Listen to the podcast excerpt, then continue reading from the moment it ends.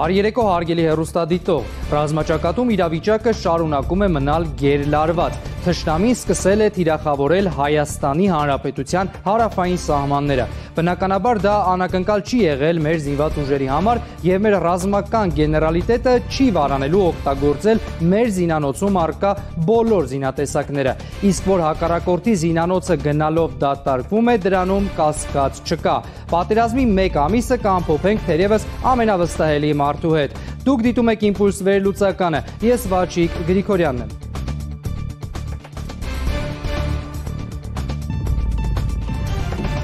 Աղավարում զրուցելու ենք Պաշտպանության նախարարության ներկայացուցիչ Արծրուն Հովանեսյանի հետ։ Բարև ձեզ, պարոն Հովանեսյան, շնորհակալ եմ հրավերն ընդունելու համար։ Պարոն Հովանեսյան, արդեն 1 ամիս է թեժ մարտեր են ընթանում Արցախում եւ այս ընթացքում միշտ բարբերաբար դուք օպերատիվ տեղեկատվություն եք տրամադրել, սակայն ժամ առ ժամ անդադ միշտ ինձ բոլոր հանդիպող մարդիկ հարցում են ո՞նց է վիճակը։ Խնդրեմ այդ հարցի գլխավոր հասցեատերը դուք եք, ինչպիսին է այս պահին օպերատիվ իրավիճակը։ Այս պահին կան որոշակի մարտական գործողություններ, բայց դրանց ուժգնությունը զգալիորեն նվազել է։ Պետք է ենթադրել, որ հակառակորդի հարցակողական պոտենցիալն է նաև զգալիորեն թուլացել Չնայած կատարվում են վերախմբավորումներ եւ հաճախ վերախմբավորումներից հետո փորձում են տարբեր ուղղություններով հարցակումներ զարգացնել, մեկ ուղղությունից ամիջապես անցնել այլ ուղղության, քանի որ հակառակորդի ինչպես մենք բազմիցս ներկայացրել ենք, ուրեմն հարցակողական բրուսները ջարդված են եւ բլիցկրիկը տապալված է, հիմա նրանք անցնում են կարծես թե ավելի այսպես առանձին խայթոցների, առանձին ուղություններով դիվերսիոն գործողությունների եւ որոշ տեղամասերում մարտավարական մակարդակի հարցակողական ներուժի պահպանմանը օրինակ 3 ամբողջ օրը Մարտունի քաղաքից հարավ գտնված ուղություններով մի ուղությամբ մի քանի ուրեմն առանձին տեղերում փորձել են հարցակում իրականացնել այսպես դիվերսիոն եւ դասական հարցակման համադրությամբ հիմնականում օգտագործում են պիկապ տեսակի փոքր ամենագնացներ նվազագույն քանակի զրահատեխնիկա, առավելագույնս, այսպես շեշտադրում կատարելով հրետանու վրա, ընդհանրապես կրակի խտությունն էլ զգալորեն թուլացել է։ Այսինքն այն մեծ դրամաչափի հրթիռները այլևս աշխատում են քիչ օգտագործել։ Կարծում եմ, որ նախ դրանց pašարի խնդիր կարող է լինել, չնայած դուք գիտեք, իրենք ներկրում են, հարուստ են, ֆինանսներ են դնում դրա մեջ եւ այլն, բայց ռազմի մեջ ընդհանրապես ռազմական գործի մեջ այսպեսին է, երբ որ դու փորձում ես հարցակում իրականացնել, քո պոտենցիալի մաքսիմում աշխատում ես մի փուլում այսպես կիրառես, որ ջարդես պաշտպանությունը անդառնալիորեն ու անցնես երբ որ դա չի ստացվում, parz է երկրորդ, երրորդ կամ չորրորդ փուլերի ժամանակ դու առաջի փուլի խտություն չես կարող ապահովել, այդքան միջոց չկա, այդքան մարդ չկա, մարդիկ նախ այդքան ստիմուլավորված չեն, միջոցները այդքան քանակապես շատ չեն, ասենք այն հարաբերակցությունը, որ առաջին օրերին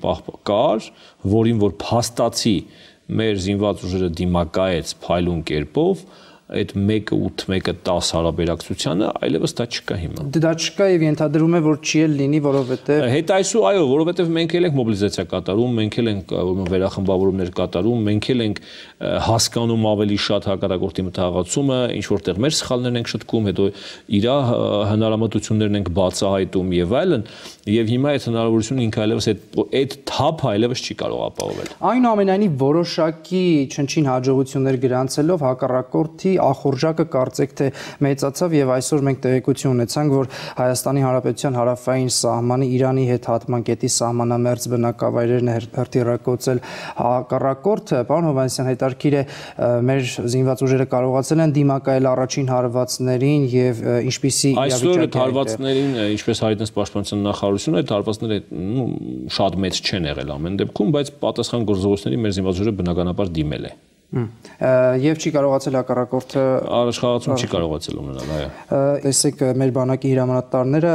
հայտարարեցին, որ հարկ եղած դեպքում օգտագործվելու է մեր զինանոցի ողջ զինամթերքը։ Սրա մեջ է մտնում նաեւ այդքան ծեծված Իսկանդերը։ մենք հարկ եղած դեպքում այո հայտարարություն եղել է եւ բայց կարող եմ դες պաշտոնապես ասել որ մեր զինալուծում եղած ողջ զինատեսակները չեն օգտագործվել դրա համար դրա համար կան ռազմական, քաղաքական եւ տեխնիկական ու բազում այլ խնդիրներ, բայց ես չեմ ուզենա, որ մեր հասարակությունը դրանք օգտագործելու հետ կապված այնպիսի միֆեր ունենա իր մեջ, այսպես սпасելիքներ միֆական, որ կարծես թե մերոնք ինչ որ ատոմային զենքի նման մի զենք ունեն, որը չգիտես ինչի չեն օգտագործում, այ որ որոշ են օգտագործել, այ որ չվախենան աշխարից օգտագործեն, ապշերոնը ամբողջովին կանցնի ջրի տակ ու իրանք միանգամից կապիտուլյացիա կընդունեն։ Չէ, դա այդքան էլ այդպես չի, այդ զինատեսակները սովորական զինատեսակներ են, դրանք միջուկային չեն, դրանք ունեն իրանց կիրառությունը, ասենք ես միշտ օրինակ եմ բերում, ասում եմ Իսկանդերի եւ Տոշկաուի մեջ տարբերությունը ընդհանրապես տանող խրտերի չափերն են։ Մնացածը ոչ մի տարբերություն չկա մարտագլխիկը նույն չափի է եւ տոշկաուն ինչ էֆեկտ որ տալիս է, տալիս է նաեւ Իսկանդերից։ Մենք տոշկաու տեսել ենք ոնց է օգտագործվում, այսպես ասեմ։ Շատ էր խոսում, որ Արցախում հակառակորդին հաջողվեց որոշակիորեն ճեղքել մեր օթային պաշտպանությունը, այնց հետաքրքիր է Հայաստանի օթը այս պայդրությամբ ապահով է։ Գիտեք, պատերազմի ժամանակ ապահով տերմինը չեմ կարծում այնքան էլ տեղին է ասել եւ ոչ պաշտպանվողի, ոչ հարցակվողի դեպքում չկա բացարձակ գերակայություն։ Դա մի քիչ էսպես սիրողական դատողություն է, այսինքն չկա լիարժեք բաց ու այսինքն գերա չկա լիարժեք բաց օդ, երբ որ հարվածողը կարող է ցանկացած տեղ, ցանկացած ձև գործել եւ չկա բացարձակ օթային պաշտպանություն պաշտպանվողի համար, որ ցանկացած թրջող սարքի խոցես ու գցես ներքև։ Այդ սա հարաբերական է իրականում, բայց դե չեմ ուզում այսպես շատ գովեմ, որովհետեւ մեր ժողովուրդը մի քիչ էйֆորիկ բնավորություն ունի, որ միանգամից լավ բանից էйֆորիայի մեջ են գնում եւ հակառակ վատ բանից միանգամից այսպես ընկճավացության մեջ են գնում, բայց դուք տեսնում եք, որ օթային պաշտպանության իրավիճակը զգալիորեն փոխվել է։ Այո։ Դա հերո է բավարար ու հիանալի լինելուց, բայց դուք տեսել եք, որտեղ վերջին օրերին գրեթե օր չկա, որ 1-2 ու շատ կարևոր բարդ ԱԹՍ-ներ նորից չխոցվեն, ընդ որում ամենատարբեր հատվածները հյուսիսից մինչև ծայրամաս հարավ, այսինքն չբացենք խաղակարգերը, բայց իրավիճակը փոխվել է օթի օթից այսպես որոշակի անպատժելիություն, որ ինքը իրեն զգում էր առաջի մի քանի օրերի ընթացքում, այլևս այսօր չկա։ Պարոն Հովանիսյան, շատ է խոսում, որ Ռուսաստանի Դաշնությունը արդեն այս փուլում որոշակի աջակցություն է ցուցաբերում, նույնիսկ համացանցում լուսանկարներ են հրապարակվում, որ ռուսական զորքեր կան Սյունիքում։ Ես նախ հետարքիր է դուք կհաստատեք այդ տեղեկությունները, միգուցե այդ զորքերը միշտ են եղել այնտեղ որոշակի այս անորություններից խուսափելու համար։ Քանի որ հարցը պարունակում է ռազմաքաղաքական համատեքստ, մանրամասն չեմ կարող մեկնաբանել ցավոք սրտի, բայց ասեմ ձեզ, որ այդ հատվածում, որի մասին շատ հաճախ խոսում են, այնտեղ կան ուղեկալներ, ռուսական ուղեկալներ, որոնք բնականաբար միշտ եղել են դեղի եւ այդ ուղեկալները այս պահին կարող են ուղղակի ուժեղացված լինել, ինչը բնական է ու նորմալ երևույթ է, ուղեկալը պետք է ուժեղացվի, որտեղ ուղեկալի անմիջապես հարևանությամբ մարտական գործողություններ են ընթանում։ Այսքանը։ Հասկանալի է։ Վերադառնալով բուն Արցախում մարտական գործողությունների գոտի, պարոն Հովանեսյան, երեք դուք հայտարարեցիք, որ Կուբատլուն գրավել են, սա նշանակում է, որ Թշնամին կարողացել է ամրապնդվել այնտեղ, թե դեռևս որոշակի վերադասավորումներ են ընթանում։ Գիտեք, ամրապնդվելը միշտ չի որ հաջողվում են ամրապնդվել, որովհետև հրետանին բավականին գրագետ շատ հաճախ թույլ չի տալիս մոտենալ ու այդպիսի բնակավայրեր շատ են եղել, որ ասենք Թշնամին կարողացել է գրավել ինչ որ ուժերով, հետո հրետանին թույլ չի տվել շապատներ շարունակ մտնել այդ բնակավայր եւ երբ որ միայն այլ տեղերում մեր մոտ խնդրեմ է առաջացել, մենք նոր հետ ենք քաշվել, հրետանել հետ ենք քաշել, ինքը նոր մոտեցել նստել է այդ բնակավայրի մեջ։ Եվ նույն վիճակը լինելու է Սանասար որոտանում, որը մենք հին անունով Կուբատլի անվանեցինք։ Տեսեք, այս պահին այնտեղ որոշակի մարտեր կան առավոտել կային այնտեղ որոշակի մարտեր։ Բայց եթե այսպես գլոբալ նայենք, մեծ հաշվով մենք այսպես կորցրած ենք համարում այս պահին, ժամանակավոր։ Համարում ենք այս հատվածը կորցրած։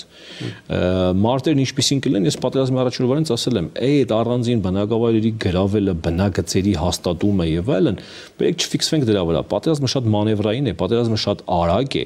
Դուրս գալը, նես գալը, գրավելը, զիջելը, հակագրոհելը, վերցնելը հետ եւ այլն շատ արագ կատարվող process-ներ են։ Եւ այդ ընթացքում դուք տեսնում եք, թե ինչպեսի խոճապար տրամադրություն Այո, դրա համար մենք անդադար աշխատում ենք մարդկանց բացատրենք, որ այդ խոճապը պետք չի ունենալ, եթե դու նայեք, ամենակարևոր բանը ընդհանրապես պատերազմի մեջ ցանկացած պատերազմի ժամանակ տարածքի կորուստը չի։ Ամենակարևոր բանը զինված ուժերի մարդունակության եւ կառավարման պահպանումն է։ Երբ որ քո զինված ուժը մարդունակությունը պահպանում են, չեն ոչնչանում, ոչնչացված չի քո զինված ուժը որպես առանձին ինստիտուտ եւ կառավարման համակարգը պահպանված է, այսինքն կա հստակ կառավարման այսպես օղակները հստակ մեկը մյուսից աշխատում է, հրանգիչնում է եւ բոլորը իրանց խնդիրը կատարում են։ Որոշ տեղերում թերանում են, որոշ տեղերում չեն թերանում, այդ այդ էական չի, սիստեմ որպես համակարգ ինքը պահպանվում է։ Դա նշանակում է դու շարունակում ես խնդիրները լուծել։ Անկամ միջոցների պակասի դեպքում, ռեսուրսների պակասի դեպքում, եթե համակարգը գոյություն ունի, գործում է, դու ստանում ես համալուրում, ստանում ես քո պետության ռեսուրսներից, դաշնակիցներից, ստանում ես համահայկական, չգիտեմ, միջոցներից, կարևոր չի։ Մեր պետությունը այսօր ամեն ինչ դրել է։ Մեր ժողովուրդը այսօր ամեն ինչ դրել է։ Մեր սպյուրքը այսօր ամեն ինչ դնում է, չէ՞։ Եվ པարզը չէ, որ այս ռեսուրսները գնալու են բանակ, գնում են բանակ, համալրվում են, կամավոր է գնում, չգիտեմ, զենք է գնվում, չգիտեմ, շոր է, փամփուշտ է, հակուստ է, գիշերային տեսադիտարկման սարք է եւ այլն հրետանային միջոց է, parz ինչ որ բան կորցրել ենք պիտի համալրվի։ Բացի դրանից, հիմա պայեստազորը գնացել է, քանակը մեծացել է, չէ՞ զորքի բնականաբար, պիտի քանակը ավելացվի։ Հետևաբար դա ինչ որ process է, կարևորը որ համակարգը կա։ Այո, վերջնարդյունքի մասին պիտի մտածել։ Այսօր այդ ողբերգության, այդ բայրի ժամանակը չի, ես նորից եմ ասում, նախ մենք թուրքինների ենք տեսել այսպես Թուրքին ողջորված էլի ենք տեսել, երբ որ ինքը առաջայիկի շատ մեծ ողջավորություն է ունեցել 92 թվականի աշտանը եւ մենք պահպանել ենք այն ժամանակել ու հատկապես հիմա էլ մեր կառավարումը մենք պահպանել ենք հիանալի հրամանատարական կազմ դուք տեսաք Ջալ Հարությունյանի վիրավորումից հետո իրան այսօր արդեն փոխարինեց Արզումանյանին։ Ես անպայման պետք է հարցնեի, թե ինչպեսին է պարոն Հարությունյանի։ Կյանքին վտանգ չի սպառնում բարեբախտաբար։ Կա ուրեմն վիճակը ծանրոտ է, բայց կյանքին վտանգ չի սպառնում։ Այսօր մեր բժիշկները ես մի քանի րոպե առաջել եմ խոսել իր հետ, հրասկողության տակ է։ Հիմա տեսեք, այս պարագայում կարևորը համակարգն է, համակարգ։ Եվ ճիշտ է մենք կորուստ ենք գրել մասնավորապես միջին սպայական կազմից։ Հիմա դասընթացներ են կանում, պայաստազորից են համալրում, մեր նախկին զինվորականներից են համալրում, այսինքն պրոց, այսինքն համակարգը այդ մեծ ատոմնանիվով, այսպես հզոր համակարգ չէ բանակը։ Ինքս շարունակում է աշխատել, աշխատել, իրաթերությունները վերացնելով, շտկելով առաջ է գնում։ Պլյուս դրան, ինչպես ասացի, խտությունը մարտերի այդ սաստկությունը ընկել է, այսինքն ավելի հեշտ է դարել process-ները իրականացնել։ Պլյուս դրան հակառակորդ ինչի դա ինչի եղել, որովհետև հակառակորդին դու մեծ հարված ես հասցրել։ Չնայած իր հաջողություններին որոշ տեղերում, իրան դու մեծ հարված ես հասցրել։ Ինքը առաջվա թափանիվը այլևս չունի։ Եվ դա բոլորն են հասկանում, բոլորն են տեսնում, անկամ այն վճարովի փորձագետ կոչվածները տարբեր պետությունների, որոնք որ ակնհայտ պրո-ադրբեջանական են խոսում։ Վերջի օրերս սկսեն իրանց տոները փոխել։ Այսինքն ռեզերվն էլ է կարելի ասել արդեն օգտագործում Ադրբեջանը մենք գիտենք որ նոր ռեզերվեր է բերել, գիտենք որ նոր ԱԲԿ-ների խմբավորումներ են եկել, ինչը տեսակ որ Ռուսաստանի Դաշնությունը եւս հայտարարեց այդ մասին, բայց դա իրանց վստահ եմ չի փրկելու իրավիճակից, հասկանում եք։ Ի վերջո այդ կեղծ հաղթանակների շղթան եկավ եկավ ինչ որ մի տեղ կանգնեց ու այլևս հնարավոր չի ամեն օր նոր քաղաք հորինել, որ իրանք գրավել են եւ այդ ժողովուրդ իրեն հարց է տալու, բա ուր են նոր քաղաքները, բա ուր են նոր գյուղերը, բա ուր են փայլուն աստղային ու կայծակնային պատերազմը։ Իրական տպավորություն կա, որ մեր պաշտոնական մեր կողմը ավելի շուտ է հայտարարում իրենց հաջողությունների մասին, իրական քան իրենք։ Ոչ թե տպավորություն կա, առնվազն ինչ որ մի փուլում, առնվազն ինչ որ մի փուլում մենք ինֆորմացիան սկսել ենք այսպես շատ հստակ տալ Եվ ես անցնող օրերին տվեցի, սարքեցինք, պատրաստեցինք թիմով ուրեմն քարտեզը, այսօր եւս թարմացված քարտեզ ենք տալու, որտեղ տալու ենք, որ այո, նորից առաջ են եկել այս հատվածներում եւ դա որևէ ողբերգական բան սրանում պետք չլինի։ Սա մեզ պետք է զգաստացնի, սա մեզ պետք է սթափեցնի, պետք է հասկանանք, որ մեր զորքը, մեր 18-20-ամյա զինվորը եւ մեր մինչեւ 30 տարեկան սպան, հիմնականը միջին օղակի սպան, իրենք կանգնացրել են այդ հսկայական զրահատանկային, հրետանային ու հրթիռային այդ արմատան։ Հիմա 3-4 անգամ թույլ թափանիվ է մնացել ադրբեջանական բանակից։ Եվ մենք արդեն բոլորս, այդ թվում պայեստազորը, կամավորականը, որ ավելի տարիքով է եւ քանակով բոլորս միասին ավելի շատ ենք հիմա, ավելի հեշտ պետք է կարողանանք այդ մնացած թափանիվը կանգնեցնենք, որ իր թափով 3 անգամ թույլ է արդեն։ Այնուամենայնիվ կամավորագրումը դեռևս շարունակում է, նոր կամավորագրվողներ կան։ Ձեր գնահատմամբ ինչպիսին է մարտական ոգին, տեսեք, ես այստեղ ուղակի մեջբերում եմ, չեմ պատրաստում խնդրել որպեսի մեկնաբանեք վարչապետի խոսքերը, բայց երեք Նիկոլ Փաշինյանը ասաց, թե այրենասիրությունը Սփյուռքում երում է, ինչը չի կարելի ասել Հայաստանի մասին։ Ձեր գնահատմամբ ինչպիսին է մարտական ոգին եւ այդ կամավորագրվելու տեմպը, դինամիկան, ո՞նց է ընթանում։ Տեսեք, կոնկրետ կանոնավոր զորքի մասին եթե խոսենք, այսինքն այդ նույնը ասած 18-20 ամյա ժամկետայինի մինչև 30-ամյա 35-ամյա պայմանագրայինի եւ մեր երիտասարդ սպաների փայլուն է ցանկացած մեկը կարող է գնալ տեսնել այնտեղ ինչ է կատարվում ուղղակի աննկարագրելի ողջերենություն կա ինչ վերաբերվում է պայեստազոր կամավոր ինչ որ մի բա խնդիրներ եղել են դա ազնվորեն է ասենք որ պատերազմի առաջին օրին հատկապես որովհետև գիտեք այդտեղ կա նաև գիտական խնդիրը բացի բազում այլ խնդիրներից կա գիտական խնդիրը։ Գիտական խնդիրը հետեւյալն է, ես պատերազմներ ուսումնասիրող մարդ եմ ու լավ եմ հասկանում սա։ Երբ որ մարդը գնում է մի պատերազմ, որը ինքը չի պատկերացրել, իր համար դա ինչ որ անծանոթ պատերազմ է, այլ ֆորմատի պատերազմ է, այլ խթության պատերազմ է, չգիտեմ, այլ խնդրեմ, որոնք չի չի պատկերացրել, որ այդպեսի խնդրեմ լինելու է ինքը գնում է անծանոթ մի այսպիսի խաոսային իրավիճակում 90-ականների պատկերացումով այ 90-ականների պատկերացումով 2020-ականներին գնում ես պատերազմ դա խաթարվում է դու մոտ կոմոս խնդիր առաջանում բարեբախտաբար դա տևել է պատերազմի առաջին 1-2 շաբաթը, դա հարթված է այսօր եւ ես վստահաբար կարող եմ ասել, որ այսօր լրիվ այլ մտնոլորտ է տիրում։ Երկրորդը, կա այսպեսի մի հարց։ Մեր պայստազորայինների կամ օրգանների շատերը սպասում էին, որ իրենց բոլորի գլխին տիլնի միջին օղակի հրամանատար, բայց մենք ցավոք սրտի միջին օղակի հրամանատարական կազմից զգալի կորուստ էինք կրել։ Եվ դա առարկայորեն ազդում էր իրենց մոտ արկա եւ ֆիզիկապես ներկա եղած հրամանատարների քանակի վրա։ Իրանք դրանից էին նեղվում։ Հիմա այս խնդիրները լուծվում, ինչի, որովհետև մենք բարեբախտաբար այս տարիների ընթացքում, քանի որ մեր բանակը միշտ տոկոսային առումով մեր բնակչության համեմատ մեծ թիվ է կազմել, մենք այսպես պայստազորում ունեցել ենք միշտ մեծաթիվ զորացրված սպաների քանակ, որոնց հիմա տարել ենք, նորից վարժեցնում ենք, նորից դնում ենք հաստիկների եւ դա շատ լավ աշխատում է, հասկանում եք, այսինքն արդեն լուծված է այս պահին, բայց ես վստահ եմ եւս մի 5 օրով 6 օրով ավելի լավ է լուծված լինելու այս խնդիրները։ Հիմա այս process-ները իրենք բավականին հեշտությամբ հաղթարվելու են, որովհետեւ մենք մեծ բանակ ենք պահել, մենք մեծ տեղ ենք տվել ռազմական կրթությանը եւ այլն եւ այլն։ Պարոն Հովանեսյան, մի կողմից տեսնում ենք, որ թշնամին որոշակի հաջողություններ ունի, մյուս կողմից էլ վերջին օրերի ընթացքում տեսնում ենք, որ Ադրբեջանի նախագահ հայտարարում է հրադադարի մասին, ցանկանում է ասում է, եթե Հայաստանը կրակը դադարեցնի, մենք էլ կդադարեցնենք։ Նախկինում այսքան հաճախ նա չէր խոսում հրադադարի մասին, որքան վերջերս, եւ սա տարօրինակ է։ Ինչ է մտածում Ալիևը իր հաջողությունները չի կարողանալու ամրապնդել կամ պահպանել, թե ինչի մասին է սա վկայում։ Ես ճիշտ ասած ամբողջ ինֆորմացիան որ չեմ տիրապետում ռազմաքաղաքական նաև այսպես ասած բլոկի, էլի։ Դրա համար զուտ կարող եմ անել իմ դատողությունները, որը չեմ ուզենա լինեի այսպես պարտադրող ինչ որ դատողություն եւ կարծիք։ Իմ կարծիքով առաջի իհարկե ռազմաճակատի ոչ փալուն շարունակական հաղթանակների պակասը իր մոտ Ինչու՞ չէ նաև միջազգային հանրության ճնշումը դիվանագիտական կորպուսում ի վերջո մեր դիվանագետները փայլուն ու տևական ու ծանրագույն աշխատանք են կատարում եւ միանշանակ բոլորիս համար է նկատելի է որ աշխարհի բոլոր ուժեղները այսօր փաստացի ակնհայտորեն դատապարտում են հենց հասցեական իրեն եւ ինքը դրանից նաեւ կատաղում է սկսում է ինչ որ բաներ ասել բայ ինչի հայերին չեք մեղադրում հիշում եք դե չկրկնեմ իր խոսքերը էլի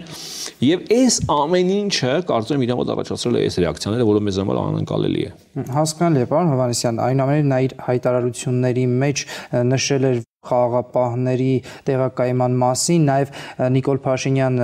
դեմ չի արտահայտվել համնային դեպս որպեսի ռուս խաղաղապահներ կան դիրքավորվեն հիմա մի հարց է հետաքրքրումից. խաղաղապահները եթե գալիս են միջազգային պրակտիկայում ինչպես ինչպես է դա տեղի ունենում գալիս են կանգնում են այնտեղ որտեղ որ պատերազմը այդ պայն ընդհատվել է թե նախնական ելման կետերում այսպես ասած չեմ կարող ասել իմ կարծիքով ամենատարբեր մանդատներ են եղել, ամենատարբեր ֆորմատներ են եղել աշխարհում շատ տեղերում, շատ տարբեր մոտեցում կա կան իրավիճակներ, որ այո, որ որ կետում կանգնել է պատերազմը, այդտեղ են կանգնում, կան իրավիճակներ, երբ որ դեմարկացիոն առանձին գծեր են քաշվում եւ այդ գծերի վրա են կանգնում, չեմ կարող ասել դա մի քիչ ներ մասնագիտական հարց է։ Հասկանալի է։ Մենք խոսում ենք հակառակորդի զինտեխնիկայի մասին, սպառազինության մասին, սակայն գնալով ժամանակի հետ բնականաբար դրանք ոչնչացվել են։ Դետարկիր է ձեր տեղեկություններով հակառակորդի զինտեխնիկայի որ հատվածն է, քանի տոկոսն է ոչնչացվել։ Գիտեք, հստակ տոկոս նշելը շատ դժվար է, բայց զգալի թիվ է կործանված, զգալի թիվ է ոչնչացված, այնքան զգալի, որ ես ասեմ 3 առնվազն 3 հարցագողական բրոնզկ այսպես դասական ցամաքային ճեղքման գործիքակազմ կազմող տանկեր, զրահամեքենաներ, զրահափոխադրիչներ, հրետանի զուգահեռ ավիացիա, այսպես որ գալիս են ճեղքելու այդ ամրաշինական այդ բնագծերը, այդ ամուր կանգնած բնագծերը ճեղքելու այդ բրոնզները առնվազն ջարդված են։ Եթե մնացորդներ կան, ապա դրանք առանձին հանված, առանձին տեղերում կիրառվում են, բայց հավաքական հզոր բրոնզ կճեղքելու այլևս այս բային չկա։ Համալուրներ գալու են իհարկե, բայց մյուս կողմից այդ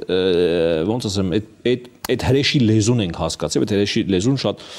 արագ չեզոքացնելու լեզուն գիտենք, դրա համար իստում է իրանք էլ չեն փորձելու այդ մոդելը կիրառեն։ Մարտավարություն է փոխվել ուժերը թելադրում են նաև մարտավարություն։ Ուժերի պակասը իրենց մոտ թելադրում է մարտավարության փոփոխություն, որ իրանք հիմա կիրառում են։ Դիվերսիոն խմբեր ներթափանցում դեպի ուրեմն կոմունիկացիոն գծերի վրա, անտառներ, բնակավայրեր, վախ ստեղծել, ինչ որ տենց խոճապ առաջացնել ու ձգտել կամած, կամած սողալ դեպի կենտրոնները։ Այս մարտավարությունն է հիմա կիրառվում, որը մենք շատ լավ հասկացել ենք ու հիմա դա գնում է չեզոքացման աշխատանքները։ Երեք առաջին օրը, նախ առաջին օրը մենք կարողացանք ուրեմն այդ միագիծ այդ գյուղերի բնագծերը գծերով Շեխեր, Իջևանիկ, Կարմիր շուկա, այդ հատվածի գյուղերը կամած կամած մաքրել անտառներից իրենց, որովհետև իրանք այդպես հենց այդ մարտավարությունը փորձում են իրականացնել։ Իսկ մեր սպառազինությունը ինչ իրավիճակում է։ Ես իհարկե չեմ փորձում ամենևին ռազմական գաղտնիքը բացահայտել, պարզապես հետարքիր է կարողացել ենք մենք պահպանել մեր կայունությունը։ Չկարել այդքան վնասներ ամեն դեպս։ Բնականաբար մենք էլ ունենք կորուստներ, որոշ տեղերում է ցավալի կորուստներ իհարկե քանակական առումով, բայց քանի որ մենք այսպիսի մեծ հարցակողական խնդիր չենք դրել սկզբանե մեր արչև, ընդհանրապես 1-2 հակահարցական հարցակողական օպերացիա ենք իրականացրել, մեր կորուստները տեսակարար կշռի մեջ այդքան ցավոտ չեն, ինչքան իրենց կորուստները։ Հարաբերականորեն կարող ենք էլի հիմա պակաս տեխնիկա ունենանք, քան իրենք, որտեղ իրենց քանակը միշտ մեծ է եւ պլյուս դրան համալրման գործընթացն է ավելի, այսպես գիտեք, տեմպով։ Բայց համադրման մեջ նախնական ունեցած եւ կորուստի ուրեմն բանի տոկոսային առումով մեր մոտ ավելի բարվոք վիճակ է առումով։ Մենք տեսանյութ տեսանք, որ հայկական արտադրության անօթաչու թռչող սարքեր են կիրառվում, դրանց կիրառության վերաբերյալ ինչ կասեք, արդյունավետ են։ Արդյունավետ արդյունավետ են, բայց ես այս մասով չէի ուզում շատ խորանայինք հագծեր բացեինք, որովհետև այդ միջոցների առարգայական կիրառությունները մեզ կարող են բերել այնպիսի օգուտներ, որոնք որ բեկում մտցնեն նույնիսկ որոշ տեղերում Դրա համար բերեք հիմա դրա մասին չբարձրաձայնենք, մենք լիովին աշխատում ենք այդ ուղղությամբ, մենք կիրառում ենք դրանք եւ ունենք առարգայական հաջողություններ։ Վերջին հարցը, պարոն Հովանեսյան, թեպետ դուք քիչ առաջ երկու բառով ասացիք, բայց շատ հետաքրքիր է, տեսեք, մենք անընդհատ խոսում ենք մեր բանակը յետ մղեց հակառակորդի հարցակումները, որոշ տեղերում ինչպես ծրեցիք հակահարցակման գործընթացներ լինում։ Երբ է մեր բանակը սկսելու լայնածավալ հարցակումը եւ տարածքների վերադարձը։ Տեսեք, հետարքին մի բան ասեմ ձեզ։ Ես նոր ասացի ռազմական գիտության մասին։ Ռազմական գիտության ժամանակակից կանոնները, 5-րդ սերնդի պատերազմը, զինքը, զինամթերքը, տեղանքը, աշխարհագրությունը եւ այլն, ստիպում են վերանայել շատ հարցեր, շատ պատկերացումներ։ Միգուցե երբեք մեզ պետք չի ու դասական առումով, չգիտեմ, ես սա դատողություն եմ ասում, ես չեմ ասում սա հենց այսպես ենք անելու կամ այսպես է լինելու, բայց միգուցե մեզ երբեք պետք չի լայնածավալ հարցակում իրականացնել։ Միգուցե մեզ պետք է հարցակման այլ մոդել ընտրել, այլ ձևի հարցակումներ իրականացնել։ Դրա համար ես չէի ուզենա որ մեր հասարակությունը այսպես շատ դասական հայրենական պատերազմի ընկալումներով, այսինքն էլի հնացած ընկալումներով պատկերացնենք, որ չգիտեմ, օրինակ պայմանական եմ ասում, Մարշալ Բաղրամյանի անվան տանկային դիվիզիա պետք լինի, որը պետք է հարցակումով հասնի մինչև եսին որ բնագից։ Չէ, այդպես բերեք չպատկերացնենք։ Բերեք մի քիչ ուրիշ պատերազմը ինքը տրանսֆորմացիա 21-րդ դարի պատերազմները մի քիչ այլ կերպ են ընթանում։ Հիմա տեսեք Ադրբեջանը սկզբից որ Չնայած տեխնոլոգիական առելի առավելություն ուներ շատ հարցերում եւ դա փորձում էր օգտագործել ու բավականին գրագեդել սկզբից օգտագործեցին առաջի փուլում, բայց ցամաքային բաղադրիչի մեջ էլի գնացին 4 սերնդի հին մոդելով դրա համար կռախի հանդիպեցին։ Փաստացի իրանց կռախների կռախի պատճառներից մեկն այն է, որ մենք այդ բանալին հասկացել ենք, որ իրանք վերևի ու ներքևի մեջ խզվածք կա, խնդրեմ ունեն մոդելի ընկալման մեջ եւ հավանաբար նույնիսկ վերևում իրանք էլ չեն այդ ամեն ինչ անում։ Թուրքիան է հիմնական անողը։ Դրա համար ներքևի ամիջապես բուն այնպես որ ասում են զինվորականները կոշիկը գետնին դնողի կատեգորիայի մեջ այս այս այս սորատեսակներում կար այդ հնա մտածել հին մտածելակերպի երևույթը։ Այո, այդ դիսոնանսը չի լուծվում, էլի։ Դրա համար մենք էլ վերեք չտրվենք այս քննարկումներին։ Միգուցե մենք այլ բան մտածենք։ Շատ է, ուրեմն հարցը ձևակերպեմ շատ པարզ։ Ես սկզբում ասացի ոնց է վիճակը, մարդիկ են ասում, էլի ժողովրդական լեզվով, ի՞նչ է լինելու։ Հաղթելու ենք։ Շնորհակալություն հետաքրքրության համար։ Այսօրվա համար այսքանը հարգելի հեռուստադիտողներ, հետևեք մեր հաղորդած իմպուլսներին, նաև վաղը առողջ եղեք եւ անվտանգ։ Եվ հիշեք, անպայման հաղթելու ենք։